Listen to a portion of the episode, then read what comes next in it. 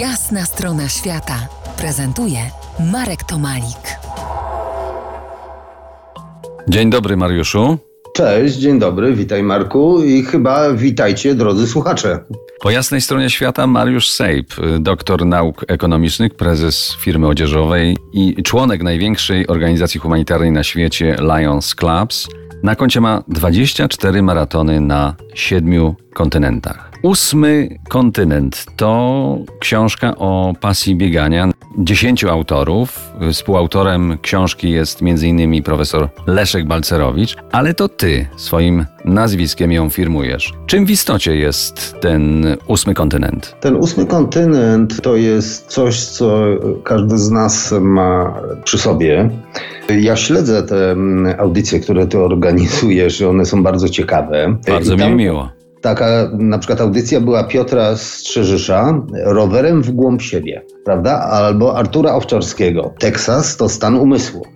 Tak. Tomka Chydzińskiego, rowerem przez pięć kontynentów. Precyzyjne śledzenie jasnej strony świata.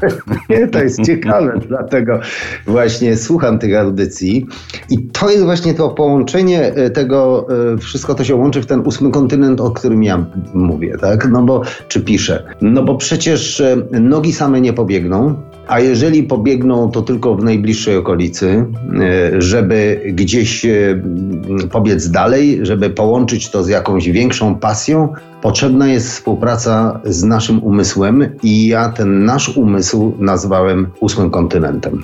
Jeśli chcesz biegać, przebiegnij kilometr. Jeśli chcesz zmienić swoje życie, przebiegnij maraton. Kto to powiedział?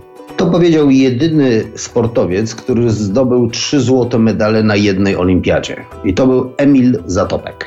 Czy przez bieganie można zmienić swoje życie? Można. Ono się zmienia jakby w sposób nawet niezauważalny i ono się zmienia na lepsze. Ale żeby y, rzeczywiście tego doświadczyć, y, to nie wystarczy pobiegać, jak powiedział Emil y, Zatopek. To trzeba zrobić coś takiego większego, coś, co wymaga wielkiego wysiłku, który wymaga masy przygotowań, który wymaga wytrwałości, a wymaga przede wszystkim podjęcia decyzji, bo dopiero po podjęciu skutecznym decyzji możemy myśleć o ciągu dalszym. Czy bieganie pozwala na spalanie tego, co nas w nas może być e, negatywne? A jeżeli tak, to jakim sposobem się to dzieje? My biegając, jakby siebie napędzamy. I teraz e, specjaliści fizjologowie sportu wiedzą doskonale o tym, że podczas e, biegania, i to w szczególności po przekroczeniu tych 20 minut słynnych, zaczynają się wydzielać hormony, dlatego że organizm rozpoznaje bieg jako stres, a równocześnie on coś zjada. Zjada kortyzol. To dopiero wysiłek fizyczny, a więc albo ta walka, albo ta ucieczka w sensie fizycznym, usuwa ten kortyzol, a więc pomaga nam się odstresować. No to rozbiegniemy się po tym pięknym naszym świecie już za kilkanaście minut. Zostańcie z nami. To jest jasna strona świata w RMS Classic.